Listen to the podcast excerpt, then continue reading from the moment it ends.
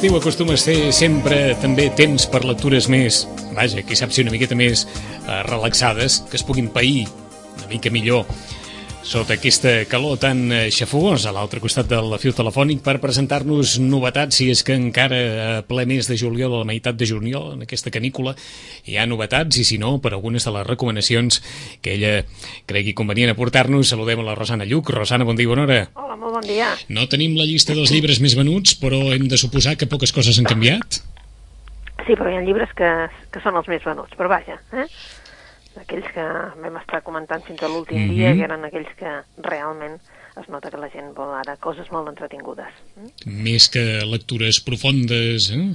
Sí. Coses, sí, sí. coses per passar ha, millor l'estona, eh? Sí, hi ha coses per passar l'estona, hi ha, saps, eh, bé, de fet hi ha, hi ha lectors per tot i sí que hi ha gent que diu, bueno, aquest és el que m'he deixat per, per ara perquè uh -huh. tinc temps i és més feixuc, però en definitiva sí que és veritat que quan ve aquesta calor que convides a, a llegir coses com a més lleugeres. Mm -hmm. Tot i que com que hem passat una temporada en, on la novel·la de misteri ha estat especialment protagonista, sí. gairebé no marcaríem ni, ni un trànsit entre l'hivern i l'estiu, perquè molt probablement moltes d'aquestes novel·les de misteri poden ser també novel·les per una tarda d'estiu o per sí. diverses tardes d'estiu, eh?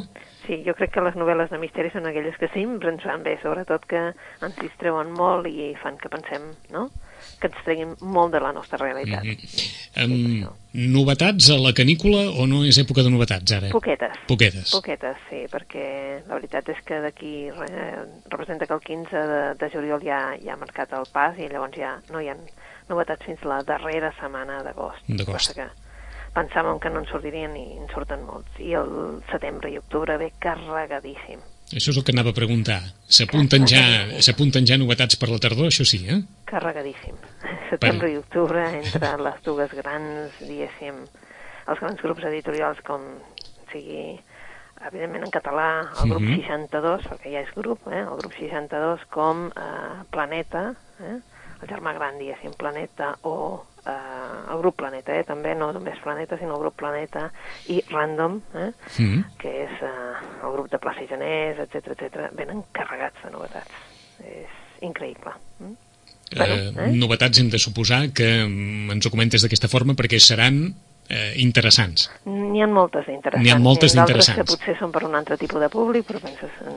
Bueno, i altres que diries, no, potser no cal, eh? Uh -huh. Fer també reedicions i coses d'aquestes de, de novel·les anteriors que dius, bueno, home, eh, cal, però bueno, eh, això, clar, cada editor pensa que és bo, que s'ha rediti en aquell moment aquell llibre i tal, dius, home, però potser ara els lectors no estan per això, però vaja. Mm?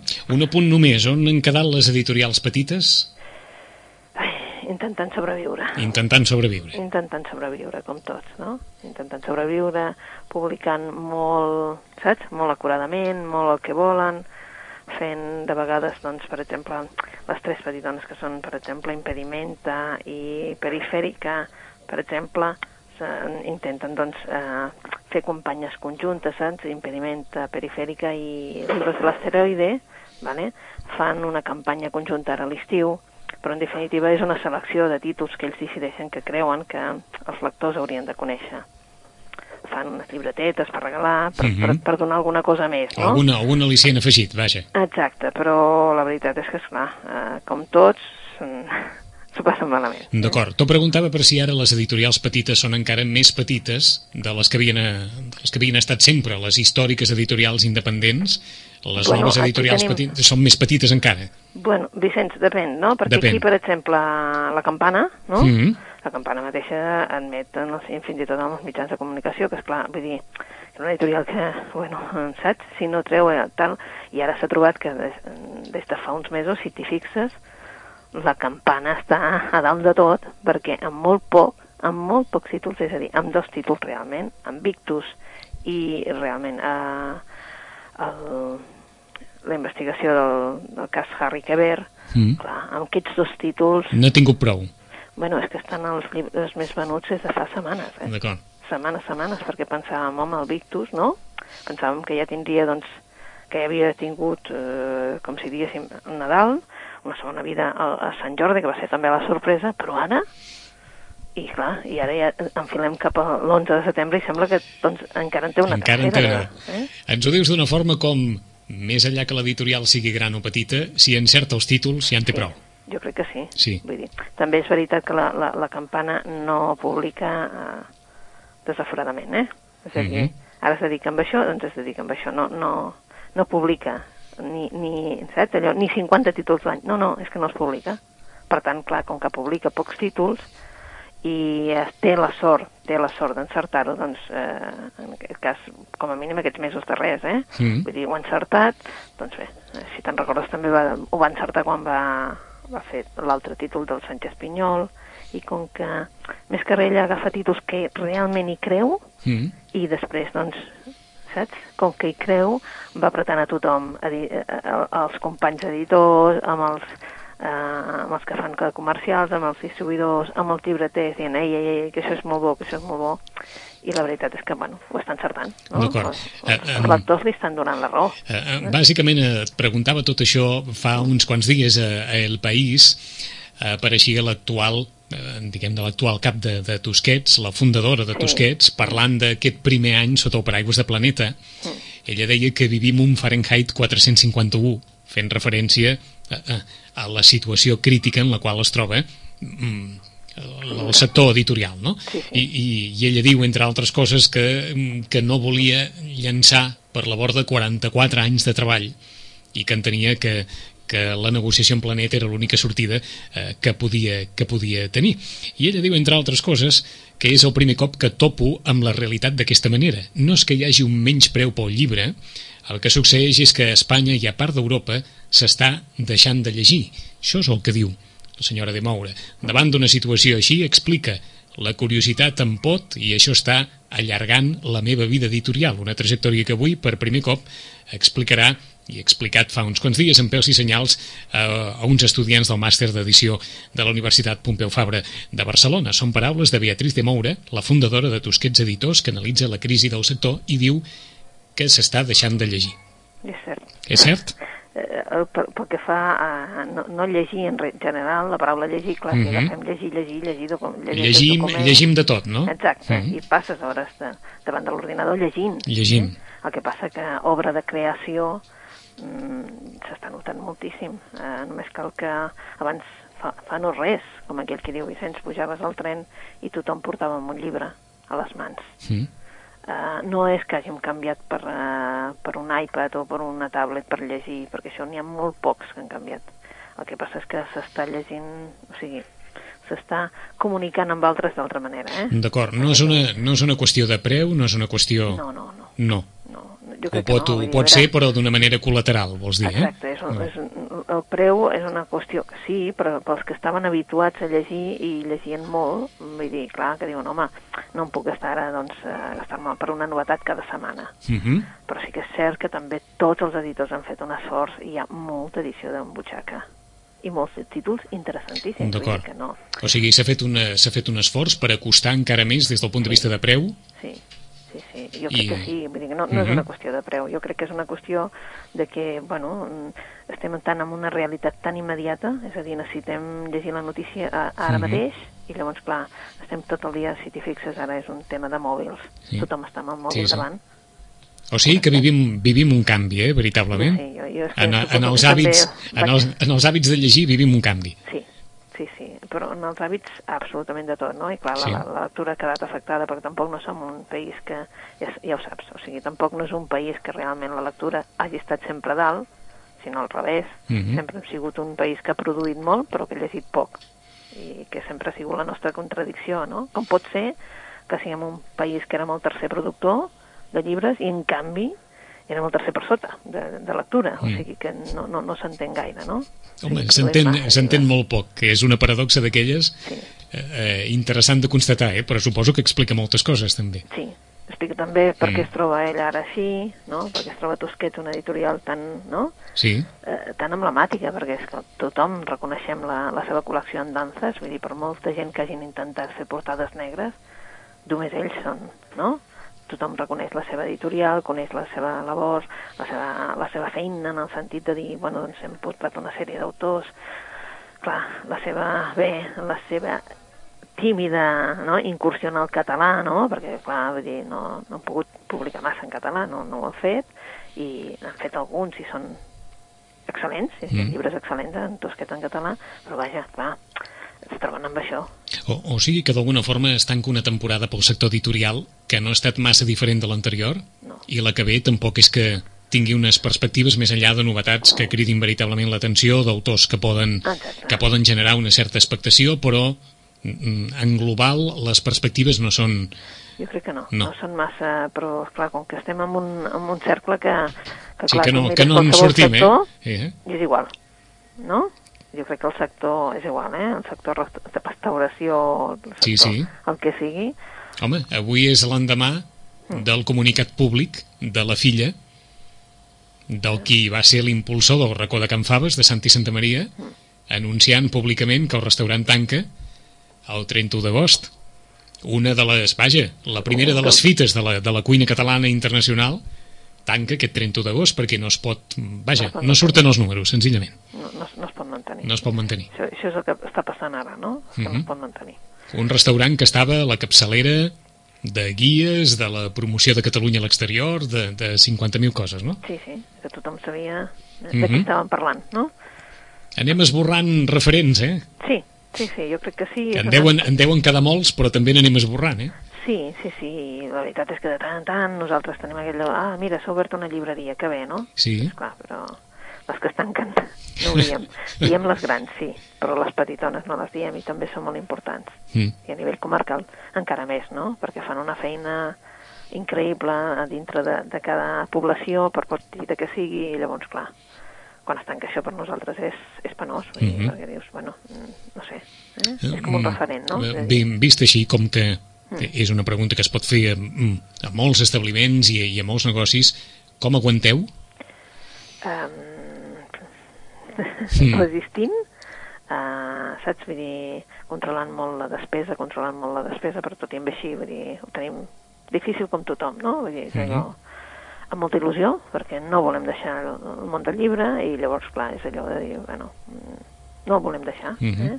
El que passa que, clar, també s'ha de dir que no estem, estem en una zona que sí, que és, que és el centre-centre, però per sort el lloguer no és alt, Mm.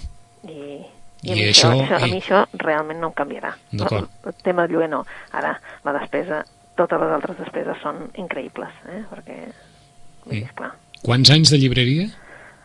42. Mm. Fa de, mal, fa de mal pensar qualsevol cosa que no sigui seguir, eh? Quan es porten 42 anys. Sí, sí, eh? vull dir, clar, eh, a més, vull dir, arriba un moment que també dius, bueno, mm, és que és la meva vida, no? És la meva Mhm. passió. Vull dir, per molt que em diguin, sí, esclar, em diuen, bueno, però escolta, també, vull dir, no, no, no, segur que puc fer una altra cosa, segur, eh? Vull dir, ara, mm, la meva vida està aquí dintre. I llavors també, clar, quan els teus els llibres són la teva passió també costa molt, no? Mhm. Però clar, estem intentant a veure cap on va això, perquè és que... Que costa, eh, de vegades, entendre aquestes reflexions des del punt de vista pragmàtic, Sí. que hi hagi algú que digui, com que només vivim una vegada, Sí, doncs hem d'intentar que allò que ens fa il·lusió ho puguem, man, ho puguem mantenir fins al final, no? No, és que, esclar, Ah. Vicenç, si, si, si, la feina que és la... no? on te passes Mhm, més hores, més o hores. que realment t'hi dediques molt més, vull dir, clar, uh, de, jo dedico tota la meva feina, mm, no? És, Sí, sí. si no hi poses molta il·lusió i moltes ganes i no sé què, i ara a veure què podem reinventar, perquè estem, aquesta paraula reinventar hasta al final et fa com a cosa, perquè dius, bueno, tu, prou de reinventar, no? Però clar, mm, no saps què reinventar perquè a la gent li agrada llegir, no? Mhm. No sé, mm, estem en aquesta roda, saps? Sí, sí. També una mica expectants a veure què està passant. ho, ho dic per allò que la il·lusió no és mesurable, valorable, quantificable, No. no, no hi ha, és clar, no, no, mesurable, per tant no es pot posar en un, en un paper això. No, bueno, eh? que- Ni un pot anar al banc i dir estic molt Ah, il·lusionat, jo, eh? Ja, em- ja, em pensava que, és ana- això. ja em pensava que anaves per aquí, estic molt il·lusionat, sí. Sí, Vol fer el favor? exacte, però això no paga les nòmines. Això no paga les nòmines, eh? Sí, la, il·lusió, la il·lusió no paga les nòmines, però sense il·lusió tampoc no podem viure, Ah, o sigui que... Vull dir, però és això, no?, una mica, Mhm. vull dir que... Mm, dius, bueno, a veure, què m'ho podíem fer, què podem fer aquí, què podem fer allà, vull dir, saps allò, bueno, què més podem donar Mhm. al, al, al client perquè se senti, no?, ben atès, eh, que se senti assessorat, etc. D'acord, abans de parlar de coses bones, que són les novetats, Mm. eh, en algun moment en, en l'ànima d'una llibretera passa aquell núvol negre de dir uh, que ho tancaré, que ho tancaré, que ho acabaré tancant? En principi no, no, no vull ni pensar-ho. No vols ni pensar-ho? No, no, no, no vull ni pensar-ho. Això sí que és una- Perquè, clar, una- també, la una- veritat és que jo sóc d'una generació que ara ja, ja començo, saps? Allò, allò de jove ja ho tinc una mica més Ah, eh? això Jo és una disciplina personal, eh? No vull ni no pensar-ho. vull ni pensar-ho, no, no, no, vull dir, no. En aquest moment no, vull dir, Ahà. clar, també penses, ostres, vull dir, és, és, saps? Allò, dues plantes, almenys a Vilanova, Sí, sí, que sí. la de Sitges és molt petitona, però clar, Mhm. Vilanova, dues plantes, ascensor, és allò que dius, massa espai, tot, Ma, massa tot. massa tot, no? Bueno, l'única solució potser seria tot fer-ho més petit, potser, però de moment no vull ni pensar-ho. Mhm, ja, d'acord. saps? Ja, ja vas, ho tens aquí, saps? Però dius, bueno, què més podem fer abans de fer això, no? Mm. Deu ser que tot es pot fer més petit menys la il·lusió. Exacte, no, no és que la il·lusió... La il·lusió s'ha de mantenir, eh? Sí, perquè si no, és que esclar, si no, no vindria, si no... Saps? Vull dir, sense il·lusió jo penso que no es pot viure. Mm. I fer una feina que no t'agradi gens també deu ser molt dur, eh? Mm? Tienes dues frases, eh? Sí, Sense il·lusió no es pot viure i fer una feina que no t'agradi gens deu ser molt dur. sí, Ho diu la Rosana Lluc, que porta 42 anys en una llibreria i el sector editorial està com està i les llibreries estan com estan, eh? Sí, sí, sí tot, tothom estem com estem, no? I dius, bueno, eh? Doncs- Però com a mínim, clar, saps què passa? Quan agafes un llibre, eh, llavors sí... Et passa tot. Et et passa tot. Dir, perquè penses, oh, que bé que escriu la gent, no? Doncs- O si agafes un bon llibre, no? I dius, ja, que bé que escrius, que bé que m'ho estic passant. Mm, O sigui, doncs- no, no me n'entero de res, eh? Ne- Anem a arreglar una mica que anem a, a regar una mica aquesta il·lusió Vinga, doncs amb, anem a regar amb, mica. amb algunes de les, eh, no, de les novetats o dels suggeriments que ens pugui deixar avui la Rosana. Doncs, per on comencem, bueno. Rosana? Bueno, com, comencem que, que és per, per una més lleugera, eh? Mhm. perquè doncs, com que estem a l'estiu i tal, ha sigut una sorpresa, una, una novel·la, sobre una sorpresa perquè eh, són els lectors els que ens han dit, escolteu, eh, eh, això és molt, saps, molt lleuger, però està bé, eh? Es diu El misteri de Pont Aven, d'un autor que es diu Jean-Luc Banalec, eh? És, resulta que és una obra que, que es va publicar a, a Ale- Alemanya Mhm. fa un any i poc i va ser un èxit total, un èxit total, i dius, bueno, i per què? Doncs perquè, suposo perquè és una mica una novel·la d'aquestes de detectius, no?, però que, doncs, fàcil de llegir i, a més a més, et porta cap a un lloc, no? Quan, vas, quan no pots anar de vacances, doncs hi vas a través de les novel·les, no? I en aquesta qüestió, doncs, te'n vas cap a Bretanya, no? Llavors, clar, és Mol, molts, pen, molts pensaran ara, Rosana, que com que no hi ha una pela, l'única forma d'anar de vacances és precisament a través de les novel·les. Bueno, és que a través de les novel·les te'n vas a, a tot arreu, eh? No? Vull dir, te'n pots anar al Sudan, te'n pots anar a Kènia, te'n pots anar a tot arreu. A més a més, fantàstic perquè ho fas des de casa, o sigui, ben, no?, arrepapat al silló, al sofà, o... I, Ara, i, i què? Si, si vols et deixo una altra frase. Qui no es consola és perquè no vol, eh? Ah, això mateix, eh? Tanques, no, el, diuen, tanca, no? tanques el llibre i tornes al menjador de casa. Però de Sí, moment, sí, sí. de moment anem a la Bretanya, ens has dit? Eh, Anem a la Bretanya. A la Bretanya. Anem a la Bretanya. Eh, resulta que bueno, hi ha un comissari, el comissari George eh, Dupin, eh? Vull dir, tot recorda una mica totes les novel·les clàssiques d'aquestes eh, de detectius, però llavors aquest senyor, diguéssim que el traslladen, eh? però sense preguntar-li, és a dir, el traslladen de un senyor que és parisenc, clar, el traslladen a lo que ell considera, bueno, doncs, a, a, a la fi del món, eh? a la costa bretona, a un poble que es diu Concarnó, eh? I clar, ell sap que allà no passa mai res, que no tindrà cap cas, que a part de, doncs, el típic estiu i que algun robatori que pot haver a l'estiu, perquè l'estiu allò és, bueno, que hi va tothom, Mhm. doncs, bueno, ell, bueno, pensa, ara de on te m'han posat, no? Però, bueno, comença la temporada i rep una, una trucada que el, el poble, un poble molt a prop, mm, que és un poble d'aquells de Pont Aven, que hi ha hagut un assassinat, un assassinat incomprensible, perquè hi ha el, el diguéssim que el propietari d'un hotelet, un hotelet on hi havia anat des del Gauguin, a gent així com a pintors famosos d'una època, doncs aquest senyor, eh, que és el propietari d'aquest hotel, doncs l'han assassinat. Bueno, i llavors el que passa és que ningú no sap per què voldrien matar a una persona ja gran, tenia 91 anys, i a més a més una persona que, diguéssim, que no tenia amics, en realitat. Eh? Al poc temps resulta que torna a aparèixer un altre, un altre cos, a la costa també, vull dir, un...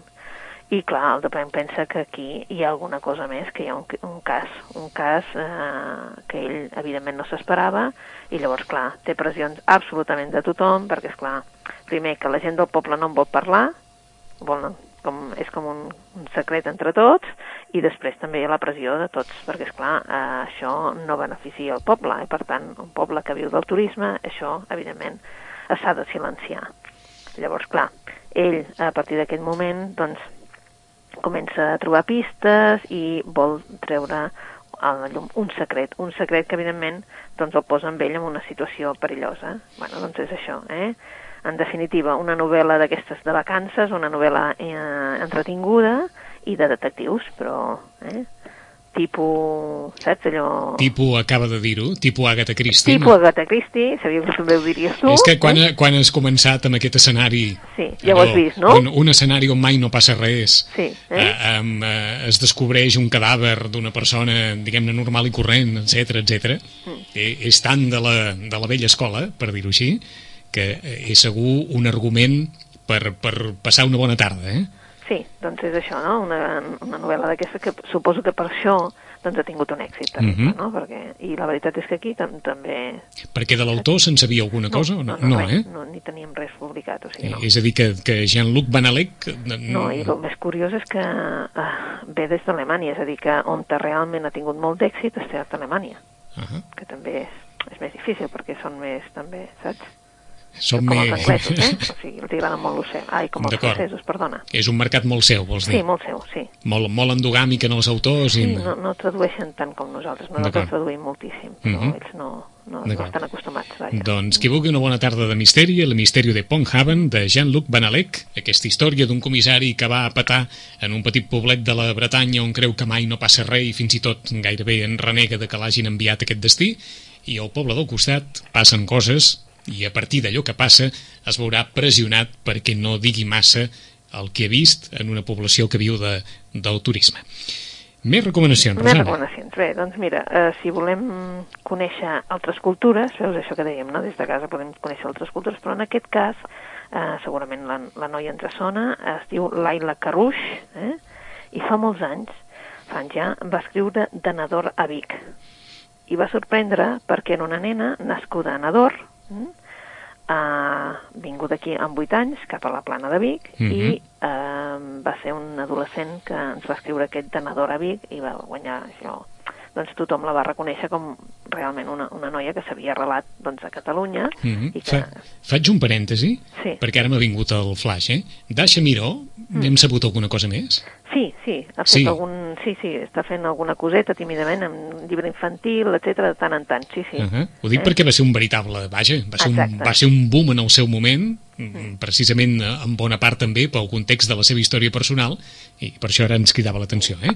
Però ara parlem de l'Aila Caruix. Sí, de la Laila Cruz, sí. perquè clar, aquesta nena va néixer doncs, el 77 a, a Nador, uh -huh. i bueno, es va fer, doncs va ser un, una noia que s'ha fet realment catalana en aquest sentit, perquè, bueno, clar, va ser una noia que, clar, amb, bueno, com a adolescent va poder escriure això, eh, es va publicar amb el columna jove de Nador a Vic, eh?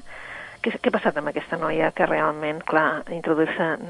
Bueno, una cosa és fer-ho a Barcelona, l'altra és a Vic, ja saps que, no? Sí. Que seria com molt, molt, molt catalana per ser sí. realment una persona d'allà. No, no, estirem, és, que, no estirem el fil de Vic. No, no el tirem, eh? No el tirem. Deixem-ho aquí, eh? Deixem-ho en Vic. Deixem-ho aquí. Bé, doncs a, a, aquest llibre es diu Petjades de Nador, i Petjades de Nador precisament el que ens vol explicar és eh, el segon capítol d'aquesta vida, no? Uh -huh. Perquè, clar, ell ens explicava en l'altre llibre doncs, fins que havia arribat aquí, com era la seva vida fins llavors. Però, clar, aquesta noia ha crescut. Aquesta noia, eh, com ha estat aquesta vida després de... Eh? d'aquest llibre que va escriure, que bueno, va anar per tot arreu, entrevistes, etc. Ara aquesta noia doncs, resulta que eh, és infermera i, bueno, i fins i tot és una mare separada amb dues criatures. Um, clar, ella treballa a l'Hospital de Vic sí. i a més a més, evidentment, doncs, uh, fa xerrades sobre la importància de la dona i de que, doncs, de la immigració aquí, eh? però en definitiva aquest de, uh, les petjades de Nador el que ens explica és això, aquesta, aquest somni que ella tenia de seguir estudiant, de casar-se, de tenir una vida aquesta que fos un pont entre dues cultures, eh?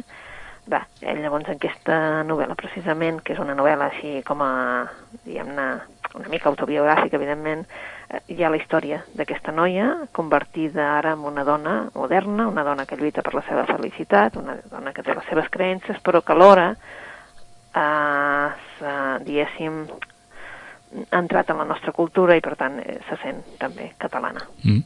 Per un moment donava la sensació que la lectura d'aquesta novel·la tenia un punt de, de petita frustració respecte als ideals que ella podia tenir quan va venir cap aquí, o no? Mm, no en el, en el cas de, de, no? d'entrar a la societat, però sí em sembla que, doncs, bueno... En, en la realització personal... Eh, suposo que sí. D'acord, i en la recerca de la felicitat. D'una cultura també com a molt més tradicional i suposo que el pas de, no? Uh mhm. -huh. d'això, no? De dir, bueno, doncs en casa, vull dir, em, em separo perquè no, no em, convé, no em convenç mm. o sigui, la vida no, no, no, no en l'àmbit que fa referència a l'acollida en, en la seva nova terra, no, sinó no, no. en la recerca de la felicitat personal. Exacte, jo crec que l'acollida jo crec que ha estat molt bona, ella se sent totalment doncs, eh, catalana, no?, en aquest sentit, però clar, suposo que hi ha una altra cosa i és que potser, no?, eh, no ha aconseguit a tot allò que volia. Eh? Uh mhm. -huh. Encara hi ha aquestes petjades de Nador. Eh? Per tant, val, val la pena fer un pack amb els dos llibres? Sí, Sí, sí, mm. són, són llibres, eh, saps? Vull dir, perquè, és clar ella s'ha hagut d'enfrontar a moltes coses, perquè, és clar pues, eh, ella estan, saps? Eh, el seu pare, evidentment, continuava volent prendre les decisions per ella, saps? Vull dir, mm -hmm.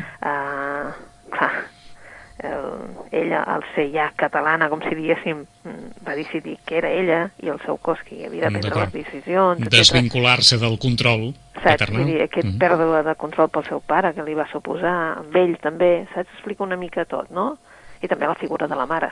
Mm -hmm perquè, esclar, també té molt a veure la cosa. No? D'acord, doncs dues, dues cultures que de nou es posen cara a cara eh, amb petjades de Nador. És la continuïtat, com ens deia la Rosana, el segon capítol d'aquesta novel·la que Laila Caruix va escriure d'adolescent, de Nador a Vic. Doncs, si volen fer el pack entre la primera i aquesta que acaba de sortir, Les petjades de Nador, totes dues reflexions sobre la, la integració i el, i el desenvolupament personal quan un ve d'una cultura absolutament diferent eh, a la nostra. I la tercera recomanació d'avui, Rosana? La tercera, doncs anem a una altra cosa molt diferent, eh? Ja veus que fem lectures mm. molt diferents. Oh, i tant. Per qui li agrada la poesia, mm? ja suposo que també, i sobretot la poesia anglesa, doncs hi ha un llibre que ha editat Lumen i que em sembla que és una recuperació interessant, és una recuperació, eh? perquè són, eh, eh, fa 50 anys de la, de la mort de la Sílvia Plath, ella va morir el 63, i per tant eh, es torna a reeditar les cartes de cumpleaños, però amb una edició, saps, amb una nova edició, amb un pròleg, amb una introducció, etc etc. Ted Hughes, el seu marit, mm, tothom en el moment en què va morir ella, que es va suïcidar, diguéssim, ella, i d'una manera tan, tan horrorosa, no? Doncs, clar, eh, mm, tothom va mirar cap al seu home, no? Com a, diguéssim, com a culpable d'aquella mm -hmm. situació. Evidentment, ell va aguantar, eh, es va disculpar com va poder, però va aguantar. I l'any 99, eh, quan ella, ell va escriure un llibre, eh, poc abans de morir, amb un llibre que es deia Cartes de cumpleaños. Eh? Mm aquí es reunien tots els poemes que durant molt de temps ell havia escrit a la seva dona, a la seva primera dona, que és la, aquesta poetesa nord-americana, la Sílvia Plath, que va marcar també una època. Clar, eh, Hughes en, recorda la seva relació amb la Sílvia Plath, eh, començant des de que es van conèixer, quan, eh, quan es van casar, eh, els dos fills, vale? i clar, i, i, i què exactament doncs, va portar amb ella cap a, cap a aquest suïcidi, no? Clar, uh, més que una biografia, uh, és un recull de poemes uh, que marquen també la història de la literatura en el sentit de que és un dels grans poetes uh, anglesos i la veritat és que val la pena llegir aquest Cartes de cumpleaños perquè a més a més tens, la, tens les dues versions, l'anglesa i la, eh, traduït al castellà, això sí. Només ens han traduït al castellà, però és un llibre increïble i, a més a més, bueno, si esteu interessats una mica amb la Sílvia Plath i amb el Ted Hughes, evidentment, és un llibre per tenir. O sigui que el llibre recupera les poesies del seu marit vers ella. Sí. D'acord. Sí. O sigui, eh? són, són poemes que ell escrivia, no? Mhm. I n'hi ha alguns... O sigui, un, un retrat extern, vaja. Sí, sí, sí, totalment. Però pensa que, clar, són dos, dos personatges de la literatura, no?, que són, bueno, eh, molt coneguts, i clar, eh, en definitiva, ella era més coneguda, no?, i sobretot arran de, de bueno, saps? Vull dir, allò, La campana de vidre és un llibre dels, Mhm. de poemes que dius, bueno, tothom coneix el- la campana de vidre o coneix els poemes de la, de la Sílvia, etc. Però, clar, el Ted Hughes va quedar com a, saps, com un segon Com un segon. un segon, com un segon lloc, eh? I realment després se li va També, començar... també, és un, també és un vincle interessant, aquest, eh? Fins a quin punt ella va influir-lo a ell i ella a Sí, sí, ella sí, sí, en, sí, a, sí, a l'hora de crear, no? Sí, perquè, bueno, li passava, li passava els poemes, bueno, l'ajudava moltíssim, el corregia, etc etc. Ahà. Però bé... Què, què, una- què, fan, què fan dos poetes junts? Bueno, de vegades es barallar Eh, per això, per això. Sí. Què, què fan dos poetes junts? Doncs, Però doncs aquí la, cas, la, pues en aquest cas pues és això, no? Una mica, doncs, és, uh, saps? Mm, és una lectura bastant introspectiva, aquesta? sí, bueno... ho, ho dic però, perquè de les, de, les en tres, canvi- eh, de les tres que ens ha recomanat, aquesta és la més singular, per dir-ho així? Sí, perquè, per ejemplo, digo, qué diminuta aventura para hacerse tan monumental en nuestro matrimonio. Una leve ordalía de lo que pudo haber sido, un leve aliento de emoción de lo que la vida es para muchos. Un pequeño trofeo, un juguete en miniatura de esa vida que pudo habernos unido en un solo animal y en un alma sola. ¿Sabes? Vull dir, Mm. digo, la poesía quizás lo oyó, nosotros no oímos nada. Y la poesía no nos lo dijo. Y nosotros solo hacíamos lo que la poesía dictaba. Aquesta és una Va ser visió... Una relació molt tormentosa, que Ja es veu? mm, saps? I llavors, clar, eh, ara aquí també, clar, ell vol, saps? Tot allò d'ideal que mai no es va arribar a complir, Ah, eh? exacte. I també tot allò que, bueno, la part d'aquesta relació tormentosa que van tenir, no? Que, clar, que tots, quan hi ha, quan hi ha un, un que acaba en la seva vida, sempre es vol buscar el culpable, no? Mhm. I potser mm, no hi ha culpable. Mm? Caram. Mm. Sí, sí, és una- eh, però- pel, pel que dius, eh, les persones amb uns certs problemes de parella, compte, eh? Sí, però, clar, Que ella, aquí- ella, ella tenia uns certs problemes que, saps? Que no va solucionar mai. D'acord. era ella qui no, no va solucionar els problemes i llavors, bueno, potser tot, saps, li va anar en contra en aquest sentit perquè, clar, ella portava una, saps allò que diem que portes una motxilla darrere que, no, Mhm. que hauries Exa- de solucionar tu abans de fer una vida en parella. I mai la va poder acabar de buidar. No, Mm. mai. Vaja.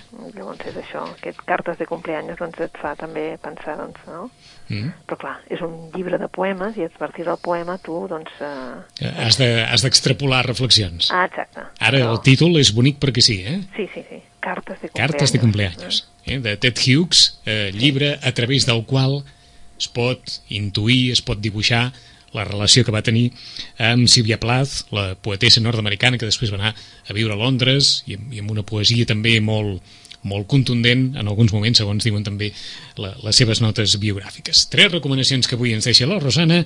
La segurament més estiuenca de totes elles és la primera. Sí, estiuenca sí, eh? Aquesta novel·la de misteri, El misterio de Pondhaven, de Jean-Luc Van Alec, és novel·la d'aquelles que us agradarà des del primer moment i si us agrada Agatha Christie o si us agraden els clàssics de la novel·la de misteri, no us decepcionarà.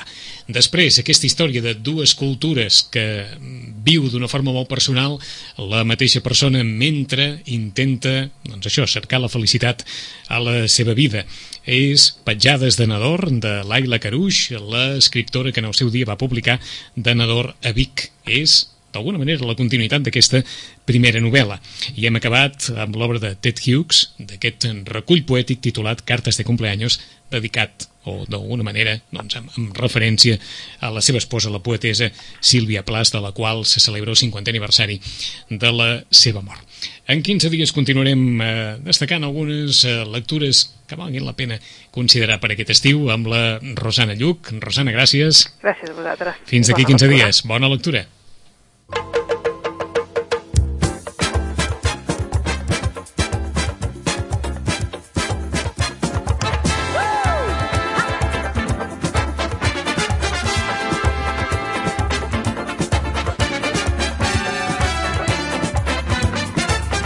Ràdio Maricel, a cel obert.